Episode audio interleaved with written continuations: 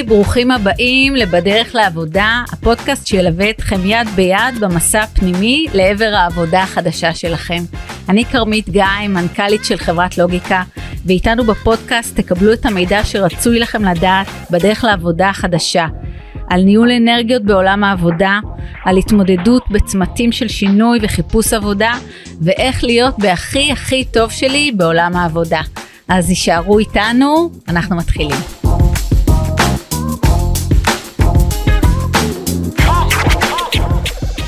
אז אהלן, בוקר טוב, אנחנו פה אה, בפודקאסט בדרך לעבודה, אה, הפודקאסט שעוסק אה, בליווי בדרך לעבודה החדשה, שמי כרמית גיא. שלום אני... כרמית גיא. אהלן, אני... אה, אני מנכ"ל חברת לוגיקה, ואיתנו אה, מתארח היום טל בשן, שלום טל. בוקר טוב, מנכ"ל חברת לוגיקה, מעניינים. תודה, מצוין, תודה. אה, אז אנחנו אה, נציג את טל, טל מייסד בית הספר לתד... למנהיגות תודעתית, האונר של הפודקאסט סליחה זה לא מה שהזמנתי, מפתח שיטת אימפקט, איש יקר, שבא לתת לנו מהתורה שלו השלמה. אנחנו היום הולכים לדבר על עולמות התודעה ובעיקר מיקוד תודעה. אה, באזורים של חיפוש עבודה, בצמתים של קריירה ובכלל בצמתים אה, בחיים. ביס אז, גדול בחיים. לגמרי. מה שלומך? מזמן לא נפגשנו. נכון, נכון, אז בואו נדבר איך נפגשנו. החלפנו תפקידים, רגע. לגמרי. אה, אז טל, אני אשתף את המאזינים שלנו, אני הגעתי אליך דרך הפודקאסט המצוין שלך, סליחה, זה לא מה שהזמנתי, עם השם המתריס.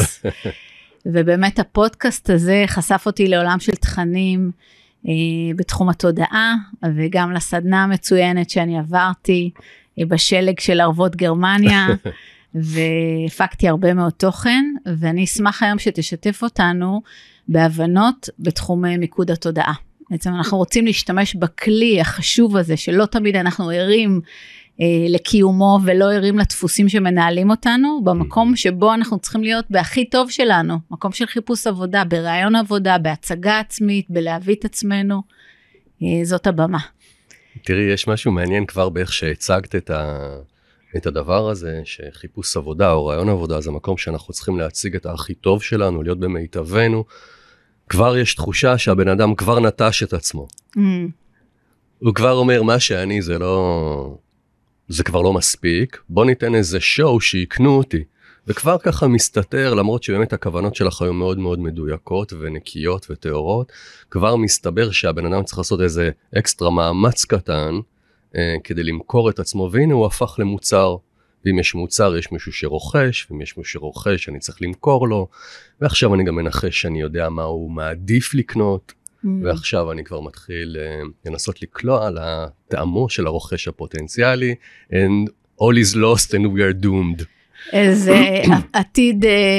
עתיד עגום, מחכה ל... עתיד עגום משהו. אז איך, כן. איך אתה ניגש למקום הזה, טל? איך, איך אתה רואה את הדברים באזור שבו יש זמן מאוד קצר לספר על עצמך, להביא את עצמך, שיכירו אותך ויכירו בערך שלך? איך אתה תראי, ניגש לזה? אנחנו מציגים בבית ספר למנהיגות תודעתית, מציגים מודלים רחבים, ואחד הרעיונות הגדולים אומר שמערכת היחסים שיש לי עם העולם, במקרה הזה רעיון עבודה, וזה יכול להיות גם אשתי או הילד שלי או לא משנה מה, הינו השתקפות מוחלטת של מערכת היחסים שיש לי עם עצמי.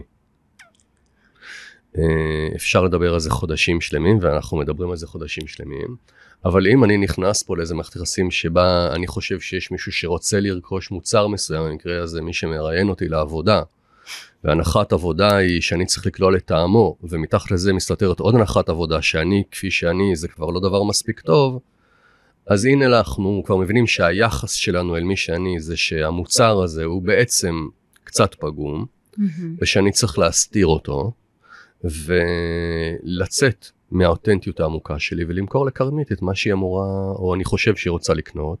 ואולי זה אולי הדבר הראשון שגורם לאנשים לא לקחת אותנו לעבודה, שהם מרגישים שאנחנו מנסים לרצות אותם, או שיש משהו לא אותנטי ברעיון עבודה, ובסוף משהו שם נופל, כי כמה אפשר לדייק באמת מה הבן אדם שמולנו הוא רוצה אה, לקבל.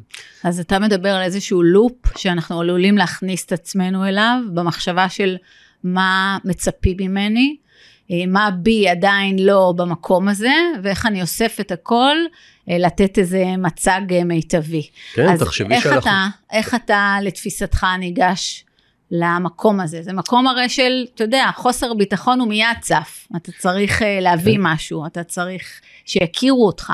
איך אתה ניגש לדבר הזה? תראי, אנחנו רוצים לעבוד אה, מתוך אה, מונח שאנחנו קוראים לו שורשים נכ- נכונים. שורשים נכונים זה בוודאי מונח ש, שצריך להרחיב עליו ולדבר עליו, אבל אנחנו יכולים לעבוד בגדול מאחד משני שורשים, או מפחד, ובמקרה הזה פחד שמא אני לא אתקבל לעבודה, כלומר תמונת העתיד שאני מנסה למנוע זה שאני אשאר חסר קול ומובטל, או שהשורש שממנו יכולים לפעול הוא שורש של ביטחון ואהבה שאומר בוודאי יש עבודה שמחכה לי, אני רק צריך למצוא את הדבר שמתאים לי. בוודאי יש לי ערך לתת לה, לעולם, לחברה, לקמפני, רק שאני צריך למצוא את הקמפני שזה בדיוק מה שהיא מחפשת. תראה, אני, אני רוצה ללכת דרך צעד לאחור, זה, זה די, די משהו לדייט, כאילו אם אני רוצה לצאת איתך לדייט ראשון, והנחת העבודה הראשונה הלא מודעת שלי שאני כפי שאני זה לא מספיק עבורך, ואחר כך יש לי איזה הנחת עבודה לא מודעת שנייה שאומרת אני חושב שאני יודע מה כרמית כן מחפשת בגבר, ואז אני מגיע לדייט הזה, ואני משחק את המשחק הזה, הרי שברור שאני מנסה למכור איזושהי קליפה, שאו שכן או שלא, אגב כרמית תעשה את אותו דבר עם שתי הנחות האלה מהצד השני, והקשר הזה, גם אם קנית אותי בדקה הראשונה, הרי הוא לא יכול להחזיק מים, כי האופי האמיתי שלי יתגלה, ואם הוא לא יתגלה, אני אדרש להרבה מאוד מאמץ להחזיק את הפרסונה הזו בקשר הזוגי הזה, כדי שאת לא תתאכזבי ותגלי את האמת עליי. אוקיי. אין הבדל בין זה לבין מקום העבודה, כמה זמן אתה יכול לזייף או כמה זמן אתה יכול לשחק משחק, או שיגלו את זה, או נכון. שאתה תותש. אני אספר טל שבאמת אה, זה מאוד מאוד מקביל לעולם ה dating בפודקאסט אה, האחרון שהקלטנו עם אה, יעל דורון. אה, הפסיכולוגית של חתונמי.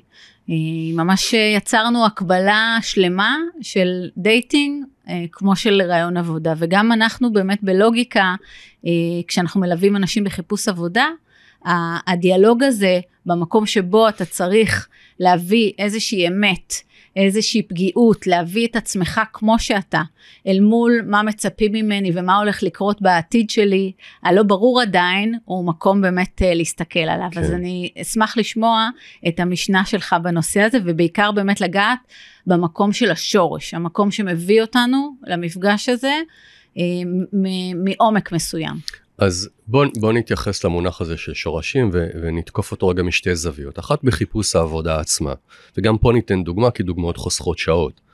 בוא נגיד שיש לנו שני תאומים זהים, אה, שבדרך נס חולקים גם את אותו רזומה תעסוקתי וה- והשכלתי אה, באופן מוחלט, ושניהם מחפשים עבודה. אחד מחפש עבודה בעודו אוחז במשרה נחשקת, והשני מחפש עבודה כאשר הוא כבר מובטל שלושה ארבעה חודשים. והם שולחים את הרזומה שלהם לאותם אה, לקוחות פוטנציאליים שלהם. ברור לנו מי ימצא עבודה ראשון, ברור לנו אינטואיטיבית שזה שיתקבל לעבודה ראשון יהיה דווקא זה שאוחז בעבודה, ודווקא זה שזקוק לה לא יתקבל לעבודה. נכון. איך ולמה? אנחנו יודעים את זה אינטואיטיבית? כי יש חוקים בטבע, נרצה או לא נרצה, רוחניים, ככל שנתנגד לזה או ככל שאנחנו אה, ניכנע לזה, יש חוק שנקרא חוק סיבה ותוצאה בטבע, והוא אומר שהשורש קובע את התוצאות. כלומר, אם אני מפחד שהכלב ינשך אותי, הגדלתי את הסיכוי שהכלב ינשך אותי. אם אני מפחד שכרמית תזרוק אותי, הגדלתי את הסיכוי שכרמית תזרוק אותי.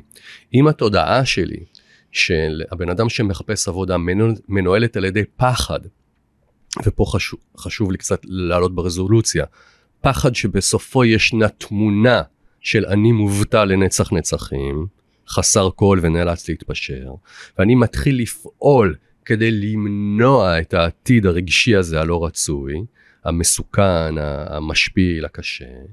זה אומר ששורש הפעולה שלי הוא פחד. אני פועל כדי למנוע מימושו של פחד אמיתי, סליחה, של פחד עתידי. והדבר הזה גם נקרא בפודקאסט למי שיקשיב, סליחה זה לא מה שהזמנתי, זה גם נקרא מה שמואר צומח. אני מאיר על סוף שאני מאוד רוצה למנוע, ואני מתחיל לפעול כדי למנוע את הסוף הזה. כבר אני רוצה להגיד, כל מי שניגש לרעיון עבודה, כשתכלית הפעולה יש בו איזשהו תדר, איזושהי מחשבה שאומרת, אני הולך לעשות את זה כדי למנוע עתיד לא רצוי, יותר טוב שישאר בבית. וואו. פשוט יותר טוב שישאר בבית. אוקיי? זה כמו גבר ששולח לאישה שלו עשר פעמים הודעות ביום, ממוש איפה את? מתוך ביטוי של אהבה, ושולח לה זר פרחים, או גבר ששולח עשר פעמים ביום, ממי איפה את? אה, כביטוי לקנאה ולחרדה שהוא ינטש וזר פרחים, הם לא מקבלים את אותם תוצאות. אחד, החרדה להינטש מממשת את עצמה בנטישה, והשני, האהבה והאמון בחיבור מתממשת באמון ובחיבור. כלומר, השורש ממנו אני יוצא לרעיון העבודה, ובכלל יוצא לשוק, הוא דרמטי. האם אני בעיני רוחי מנסה למנוע עתיד לא רצוי של אין לי עבודה, או החלופה הרצויה היא שאני בעיני רוחי יודע שאני אמצא עבודה, ואם זו לא העבודה הזו, זה העבודה הבאה, ואם זו לא העבודה הבאה, זה זו שאחריה. Uh, ברור שישנה איזושהי חרדה, אבל אנחנו צריכים לייצר איזושהי אופטימיות, גם אם היא ריאל פוליטיק. יש, uh, פתאום אני נזכר שיש איזה פרדוקס, יכול להיות שאני טועה פה, שנקרא אה, פרדוקס סטוקדייל. נדמה לי שה... שבוי הבכיר ביותר האמריקאי היה איזה גנרל במלחמת וייטנאם, והוא היה במחנה שבויים הכי רדיקלי, שם אנשים התאבדו, שרד, לא שרדו, ברחו, מתו מרעב, ממחלות. והוא היה בעל הדרגה הגבוהה ביותר ששרד, וכשראיינו אותו הוא אמר היו שני סוגים של אנשים שלא שרדו. אלה שהיו מאוד מאוד אופטימיים ואמרו לעצמם עד Christmas אני בטוח משתחרר, וכשהגיע Christmas ולא השתחררו הם נשברו לחתיכות. וכאלה שאמרו אין שום סיכוי שאנחנו נצא מפה אי פעם וגם הם נשברו לחתיכות. אז שאלו אותו מה אתה עשית? הוא אמר אני, אני אמרתי עד כריסמס אני בטוח משתחרר. אבל אם זה לא ב Christmas הזה, זה ב Christmas הבא. יפה. ואם זה לא ב Christmas הזה, הבא זה ב Christmas הזה שאחריו. כלומר, כן להחזיק את הריאליות שיכול להיות שאני לא אתקבל לעבודה ב Christmas הקרוב, אבל בסופו של דבר תהיה לי עבודה, כי היי, תסתכלו עליי, יש לי מה לתת. אז איך, איך מתחברים למקום הזה, למקום האופטימי, למקום שרואה תוצאה חיובית? תראי, יש, זו כמובן שאלה אדירה, וחרדות זה משהו שמגיע מילדות, וביטחון עצמי זה משהו שמגיע מילדות, וזה הרי בסוף הפרנסה שלי עוסקת בלאתר את השורשים האלה. ולכן במין פרק כזה של פודקאסט שרוצים לצאת טיפ, צריך למצוא משהו, איזשהו עוגן בפנימיות. והעוגן בפנימיות הוא לעבוד מבפנים החוצה, גם כן קלישה, אני מתנצל לפני המאזינים, ולא מבחוץ פנימה. מה זה אומר? זה אומר שאני רוצה רגע לשאול את עצמי, מהו הערך האמיתי, אני, אני אומר את זה ואני קשה לי עם הקלישאתיות של זה, אבל אין לנו כל כך ברירה, מהו הערך האמיתי בסך כל הכישורים והתכונות שלי שיש לי להביא לעולם. הרי יש לי בסוף משהו לתת לעולם. ואם אני כך נבראתי, ואלה האיכויות שלי, ברור שיש איזה עולם שיש לו לעשות שימוש בדבר הזה. כלומר, אני, יש לי את התשוקות שלי, יש לי את היכולות ואת העוצמות שלי, בטוח יש איזה ערך שמישהו ירצה ממני. ומתוך הרעיון הזה, שבו אני מחפש זיווג, כי זה אה, בדיוק כמו בדייטים, אני לא רוצה שכל דייט תרצה אותי, למרות שאני מעדיף להימנע מדחייה. הרי okay. אוקיי. הדבר האחרון שהיינו רוצים, זה שכל הדייטים שלי יצליחו, למרות שהאגו אומר לא אני רוצה שכל הדייטים שלי יצליחו נכון okay. כן. זה כאילו פרדוקס לא היא זרקה אותי תודה לאל שהיא זרקה אותך הרי זו לא האישה שלך. אז אנחנו מעדיפים שרוב הדייטים שלנו ייכשלו אם אנחנו לוגים נכון. אנחנו גם מעדיפים שרוב רעיונות העבודה שלנו ייכשלו. כי לא עם כולם אנחנו רוצים קשר, אנחנו רוצים קשר עם מישהו שהוא יושב כמו אנזים וקו-אנזים על האיכויות שלנו, כמו, כמו הפאזל הנכון שלנו, שהחתיכה היא מתאימה. ואיך נעשה את הדבר הזה? אחד מתוך אמונה שאכן המוצר הזה שנברא, כל אחד שימשוך את האמונות שלו מאיפה שהוא רוצה, הטל בשן הזה, הוא מתאים בול לפודקאסט הזה של כרמית. אני לא שואל את עצמי מה כרמית רוצה, האם היא תאהב או לא תאהב. יש לי אמונה שלי יש מה לתת, והבן אדם שיגלה שזה בדיוק מה שהוא רוצה לקבל, יגיד לי, אותך אני רוצה. זאת אומרת, בעיניי הישיבה הזאת היא בדייט, או הישיבה הזו ברעיון עבודה, הזהות היא מוחלטת, כי אני לא רוצה למכור לכרמית בדייט משהו שאני לא יכול אחר כך to deliver. אני רוצה להיות הכי קרוב אצל עצמי בדייט, כמו ברעיון העבודה, כי חלילה לי שתבחר אותי האישה הלא נכונה, וחלילה לי שיבחר אותי המעסיק הלא נכון. עכשיו, כשאני חי בתוך אמונה שהשילוב הנדיר הזה, אני לא חייב להיות הכי טוב בעולם, אבל השילוב הנדיר במובן הצירוף הנדיר הזה, של טל לצורך העניין, עם האיכויות שיש לי ושאין לי, והתכונות שיש לי ושאין לי, והכישורים והידע שלי, בסוף יש מישהו שזה בדיוק מה שהוא מחפש. זה מקום מאוד מרגיע, מאוד מפייס. ואז אני גם מגיע מנינוח. אני, אני בא כדי לחפש את ההתאמה, זה לא משא ומתן. וכשאני נינוח ואני מייצר אותנטיות, תגידי לי את איך את מרגישה כמראיינת כשאת פוגשת בן אדם כזה. זה, זה, זה הבנה מאוד משמעותית, כי כשאני פוגשת איזושהי אמת או פגיעות בשיח, מיד מיד אני מתחברת לבן אדם, מיד. וכשאני פוגשת uh, יהירות או איזשהו שואו או מילים ריקות או... ואפשר להריח את זה באווירה בחדר. אתה מרגיש אם יש פה אמת או אין פה אמת. כן. ומה שאתה אומר טל מאוד מאוד חשוב ומדויק. אתה אומר בוא נשים את הפוקוס על מה שאנחנו, על הבשורה שאנחנו אה, מביאים איתנו לעולם. בגודל האמיתי שלה. הגו, בגודל האמיתי שלה. כן. ויכול להיות שהמפגש אה, לא ימריא להצעת עבודה, כן. ויכול להיות שלא תהיה פה חתונה. נכון. וזה בסדר גמור. וגם אני, במקום שלי, אני באה לבחון את הדברים ולראות אם יש פה התאמה. זאת אומרת, ההתאמה היא לא רק שירצו אותי ויקחו אותי. אני גם באה לבדוק את זה, אם זה הייעוד שלי, אם זה האנשים, אם אלה האנרגיות שאני רוצה לפגוש כל בוקר. נכון. וגם אני בטוח שאם מגיע לך מישהו שהתחברת אליו ולאותנטיות שלו ו- ולעובדה שהוא ישב נוח בכיסא, sort of speak, כאילו ישב נינוח בכורסה הזו שנקראת הוא עצמו, והוא לא מתאים לך מקצועית, את תגידי לקולגה שלך, תקשיבי, פגשתי הבוקר איזה מישהו בעשר, אלה הם חמודות. זה, הוא לא מתאים אצלי, אבל דברי איתו. כאילו אנחנו מעבירים את האנשים האלה הלאה. עכשיו תראה, עלית פה על נקודה מאוד מאוד מעניינת, הפגיעות הזו. עכשיו ברור שברעיון עבודה אנחנו רוצים להיות uh, מאסטרים, אנחנו רוצים להיות מאוד עוצמתיים, אנחנו רוצים להיות ווינרים, אבל מולנו לא יושבים אנשים מטומטמים שחושבים שיש בכלל אנשים כאלה בעולם, שיש אנשים שהם uh, פוסטר מושלם, אין הרי אנשים כאלה. ומה שאנשים מפספסים בשאיפה הזאת להציג מצוינות, זה שבלי פגיעות, אני אגיד את זה לאט כי זה אולי מעט יותר מעניין, אין, אין, אין קשר, אין תקשורת, אין, אין שום חיבור. אם בך אין סדק להיכנס בו, לא יהיו לך חברים. אם לך אין צורך בי, את לא צריכה קהילה, את לא צריכה חברה. מי שאין בו סדקים, מי שאין בו פגיעות, שיחיה לבד במערה. כאילו, אנשים מפספסים את הרעיון הזה, פגיעות, סדקים באישיות, סדקים בהוויה, פחדים, הם הסיבה היחידה שיש חברה, גם קומיוניטי וגם קמפני. וכשבן אדם שם את זה והוא נינוח עם זה, הוא מעורר מיד גם בצד השני את התחושה של וואלה, אני גם יכול לשים את הסדקים שלי במרכאות ואת הפגיעות שלי, ואני יכול להרגיש בטוח עם הבן אדם הזה.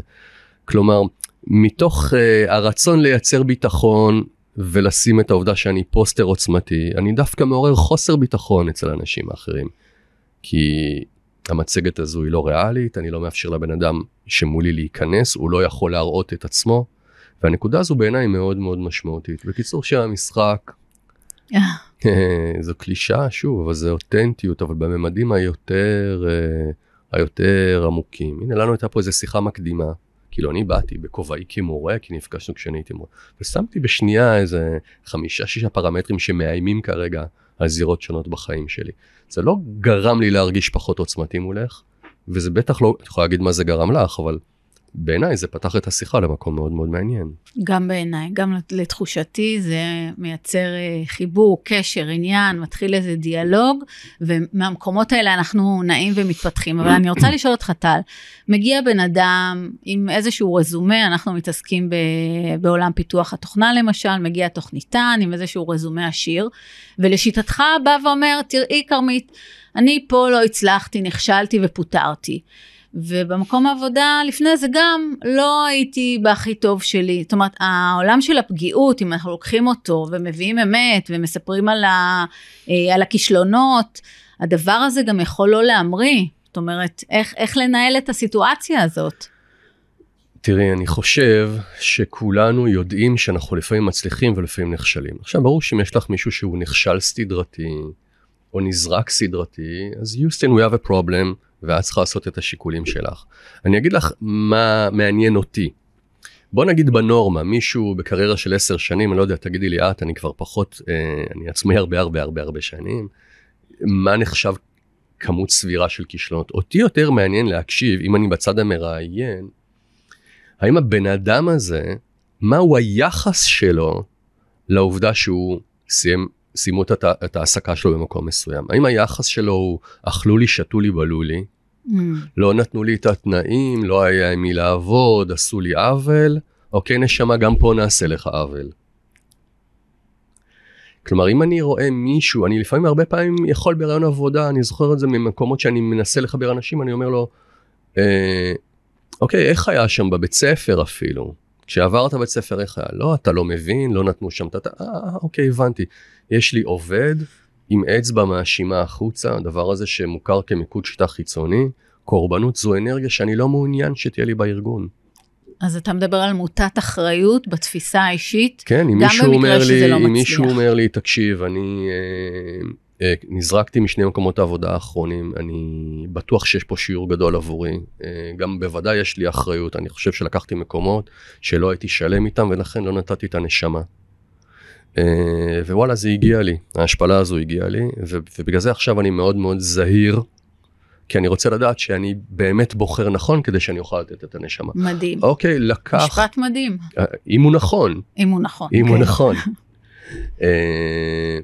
אני חושב שאני מחפש ownership, הדבר הזה ש, שנקרא מיקוד פנימי, הסיפור של האחריות. זה חלקי בסיפור. ככל שהאצבעות מופנות יותר החוצה, לא רוצה לפגוע באף אחד, שילך יהיה מנהיג של ועד עובדים של איזה ציבור שרק רוצה להשיג לעצמו עוד אה, תועלות ולא מעניין אותו הארגון. ו... אמרת טל משהו מאוד מעניין ואני מסתכלת על זה גם בכיסא של המראיינים, מנהלים שמחפשים אה, עובדים. המקום שבו עובד לוקח אחריות על, על מצב שהוא היה בו, על תהליך שקרה לו, מול מקום של אה, מועמד פוטנציאלי שאומר, אה, אכלו לי, שתו לי, התנהגו אליי ועשו לי, זה בעצם אה, אור אדום, אור אדום. ממש, ממש, בעיניי ממש. ה- ה- זה הרי בסוף מה שעושה הבדל בין אדם שבא לעבוד לבין בן אדם שבא לעבודה. בן אדם שהראייה שלו היא כל הזמן ראייה עתידית. הוא אומר, משהו נדפק, what can I do כדי שהעתיד שלי ייראה אחרת, והעתיד של הפירמה ייראה אחרת. הוא הבן אדם שאני רוצה, זה, זה הקצין, זה המנהל, זה המנכ"ל, זה היזם. בן אדם שכל הזמן מצביע החוצה, לא נותנים לי את המשאבים, אה, אילו רק היה קורה, אני לא מקבל את הגיבוי, החלוקת עבודה לא נכונה, טה טה טה, אוקיי, לא הוא יפתור לי את ה... את יודעת, אני רוצה להגיד לך משהו. הייתה תקופה מאוד ארוכה שאני הייתי יועץ ארגוני. מדבר איתך, אה, לא יודע, לפני 15 שנה, גם עסקתי בחומרים של היום. ובמקביל גם נתתי ייעוץ ארגוני, אבל הוא היה יותר באמת מהעולמות האלה של התודעה. ולפעמים אנחנו היינו מוציאים מהארגון דמות בכירה מאוד, אה, שאף אחד, שאנשים לא האמינו שניתן בלעדיה, נגיד סמנכ"ל תפעול כזה שמחזיק את כל העסק. אבל כמות הרע, ואמרנו איך נחליף את העילוי הזה, כמה תפקידים הוא מחזיק, נצטרך להביא שני אנשים במקומו. והסיבה ששחררנו אותו זה בגלל אותה אנרגיה הזאת שלא נותנים והקונפליקטים וה, הקבועים והאצבעות המאשימות. וה... ובסופו של דבר בלב כבד ובחיל וברעדה ובפחד היינו משחררים אותו. ואחרי שלושה חודשים היינו מגלים שהארגון מתפקד יותר טוב בלעדיו מבלי שנמצא לו מחליף. רק כי הארגון נפרד מהאצבעות המאשימות האלה, נפרד מהדרמה הזו ש... שאומרת אכלו לי, שתו לי, בלו לי. אז אני חושב שמעסיקים צריכים להיות סופר סופר רגישים. את יודעת, אפילו שאלות, אה, איפה למדת? בבליך. אוקיי, ספר לי על הבית ספר הזה. ולשמוע איך הוא מספר על הבית ספר. עם איזה עיניים הוא שוזף את הבית ספר. מעניין. מה לקחתי, איך צמחתי, איזה כוחות פעלו שם, מה עשיתי עם זה, או אותה יבבה מוסווית מתחת למילים. איזה טיול עשית? מה חשבת על המקומיים?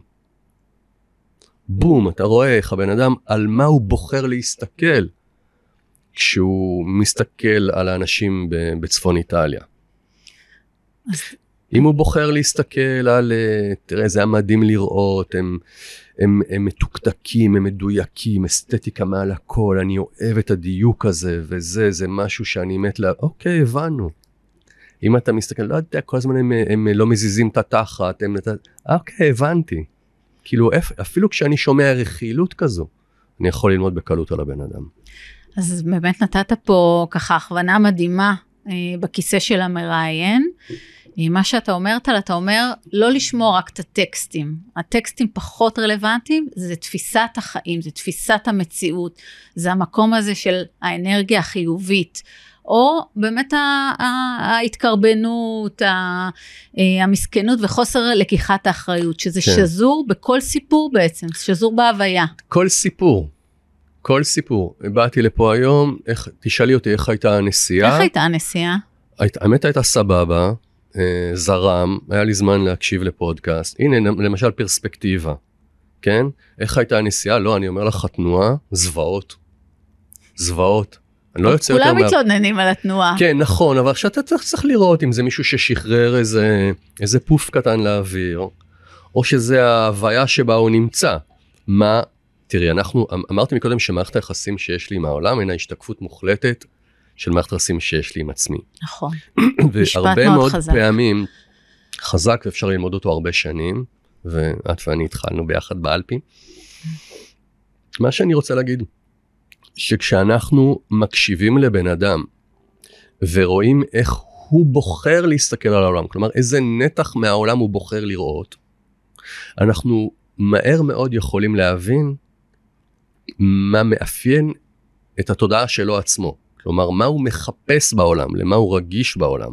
ורכילות נגיד היא דבר קלאסי, כשאתה שומע רכילות, אתה רואה איזה חלק אני מסתכל בחוץ, דע לך שזה החלק גם שהבן אדם מסתכל על עצמו פנימה. תן לנו דוגמה למשל לדבר הזה. כשאני יכול להסתכל על בן אדם ולהגיד, אה, אני, אני אתן לך דוגמה אה, בנאלית.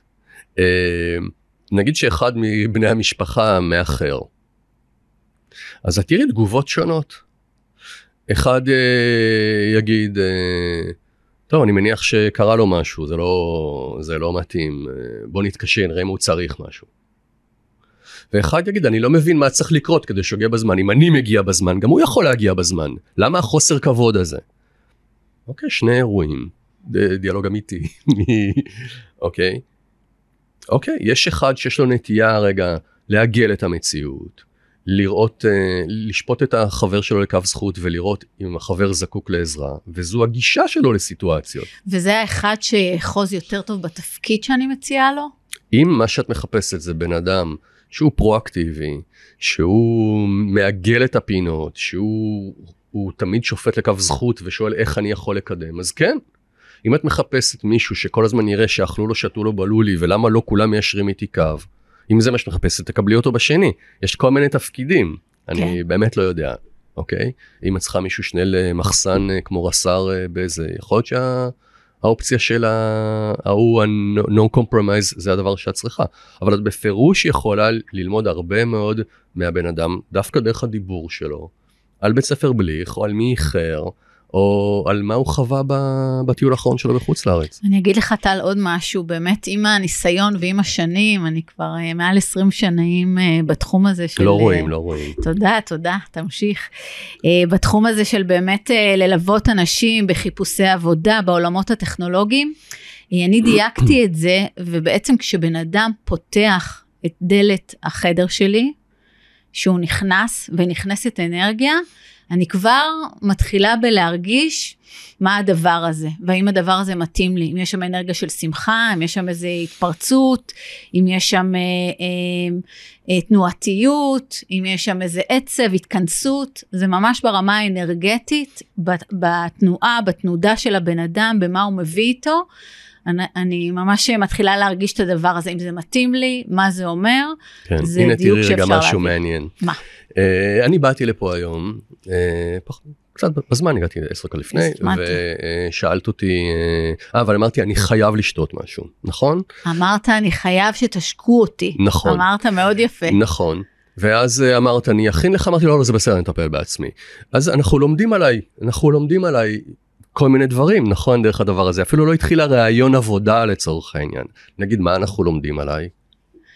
שאתה, שעומד לך צורך, או לפני, לפני הדברים. Mm-hmm. אני התחברתי לזה שאני חייב שתשקו אותי באיזשהו משהו שאני צריך אותך, אתכם בשביל כן. משהו. ומצד שני, כלומר, אז אפשר להגיד גם שיש פה איזה אסרטיביות ואין כל כך בושה. נכון, וזה, ביטחון. וזה ביטחון וזה לגיטימי שאני אדאג לעצמי לפני שאני נכון. נותן, את כל זה אפשר ללמוד. ומצד שני גם אמרתי, זה אין צורך, אני גם אכין לעצמי. נכון. שזה גם אומר, רגע, אני לא איזה מפונק, אני לא זקוק לשירות, רק תראו לי איפה ואני מטפל בעניינים. כלומר, אפשר ללמוד הרבה מאוד רק מהסיפור הזה של נכון. הקפה. ותדעי לך שבסדנאות, לפני שמתחיל הקורס, אני יכול לגלות לך בדיעבד, שאתם שותים קפה בחוץ וזה, אני יושב, אני עומד רבע שעה בפינה, אם תשך תריצי את הסרט לאחור ותראי אותי אוסף מסתכל, אינפורמציה. מסתכל, אוסף אינפורמציות, וואו, זה מעניין. אני ממש יודע הרבה על התלמידים, עוד לפני שהם ירדו בגרם המדרגות לתוך הכיתה. אז אתה אומר למראיין, למנהל שבאמת רוצה מאוד להצליח בגיוס שלו, אתה אומר לו, בוא תסתכל על הבחור, הבחור, בחורה, שנכנסים לחברה, איך הם מתנהלים, איפה הם מתיישבים, איזה דיאלוגים מנהלים, ת, תעיף רגע מבט מהצד, ותוכל כבר להרגיש את הדברים האלה. תראי, כשאני, אני, אני אתן את זה מממד אחר, כשאני מלמד מדריכים, אני אומר להם, כל שאלה שתלמיד שואל, יש לה תמיד שני ממדים. המימד הפרקטי של השאלה, תגיד איך מזהים שורש פעולה של בן אדם, נגיד, ואת המימד של התודעה, כלומר איזה תודעה שאלה את השאלה. נגיד כשמישהו שואל איך מזהים שורש פעולה שאתם יודעים, יש תשובה לשאלה הזאת.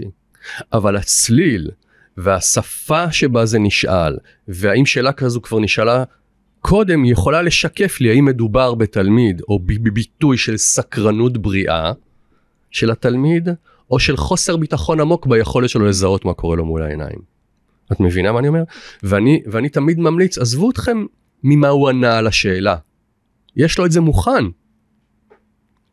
מי ענה על השאלה?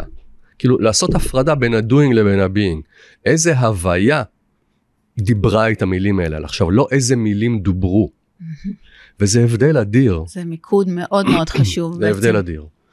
להסתכל תמיד על המסביב של הדברים האלה, לא על התשובה, לא על המילים שנאמרות, לא על הדברים שנעשים, אלא על הסביבה שמביאה את העניין הזה, על הרמזים שיש לנו מי, מי הבן אדם, מה הוא מביא, איזה אנרגיה הוא מביא. ו- וזה עוזר לנו באבחון ובעיטוף של הדבר הזה ובקבלת ההחלטות באופן חד כללי. חד וחלק, חד וחלק. טל, אנחנו uh, לקראת סיום. Mm-hmm. אה, תענוג גדול ככה לדבר איתך, ויכולתי להמשיך שעות, אבל הייתי רוצה לסכם למאזינים שלנו אה, את הנושא הזה של באמת האנרגיה שאני מגיעה איתה. ואם יש לך איזושהי עצה או טיפ לתת, בסיטואציה הזאת של רעיון עבודה, אם יש דבר אחד שאתה, שאני אבחר לעשות, מה זה יהיה הדבר הזה, לפני שאני מגיעה למפגש? אחד, אני הייתי רוצה שאנשים יחיו אמונה, וזו אמונה שלכל אחד יש תפקיד למלא. אין בן אדם שהתפקיד שלו זה להינטש ולא למלא תפקיד. ו- I have a role to play. ומתוך הדבר הזה, להתחיל להסתובב בעולם ולהגיד, בסוף אני תימצא ההתאמה הזאת. והתפקיד שלי זה לדאוג להיות מי שאני כדי שההתאמה הזו תהיה מדויקת. אני חושב שזה הדבר המעניין, להיות בדבר, יש איזה מודל, אני לא זוכר של מי שנקרא leadership zone. להבין שהתשוקות והעוצמות שלי, כשהן עובדות ביחד, יש מישהו בחברה שזקוק בדיוק לדבר הזה. ולכן אני צריך להיות מחובר מאוד מאוד לעוצמות שלי, למה אני באמת, ולמה אני באמת רוצה לעשות. ואת זה להביא, ואת זה להביא, מי אני באמת ומה אני באמת רוצה לעשות. ובסוף יש מישהו שירצה לקבל את הדבר הזה. זה, ואם לא ב Christmas הזה, ב Christmas הבא. מדהים, מדהים טל. הרבה הרבה תודה, נתת הרבה מאוד ערך למאזינים שלנו. אה, והדברים שאמרת מאוד מאוד אה, נוגעים גם לי אישית ובאופן כללי, אזורים של חיזוק והסתכלות פנימה, תמיד מביאים איתם אה, בשורה גדולה. טל, תודה רבה. תודה רבה שהזמנת אותי. תודה. להתראות. להתראות.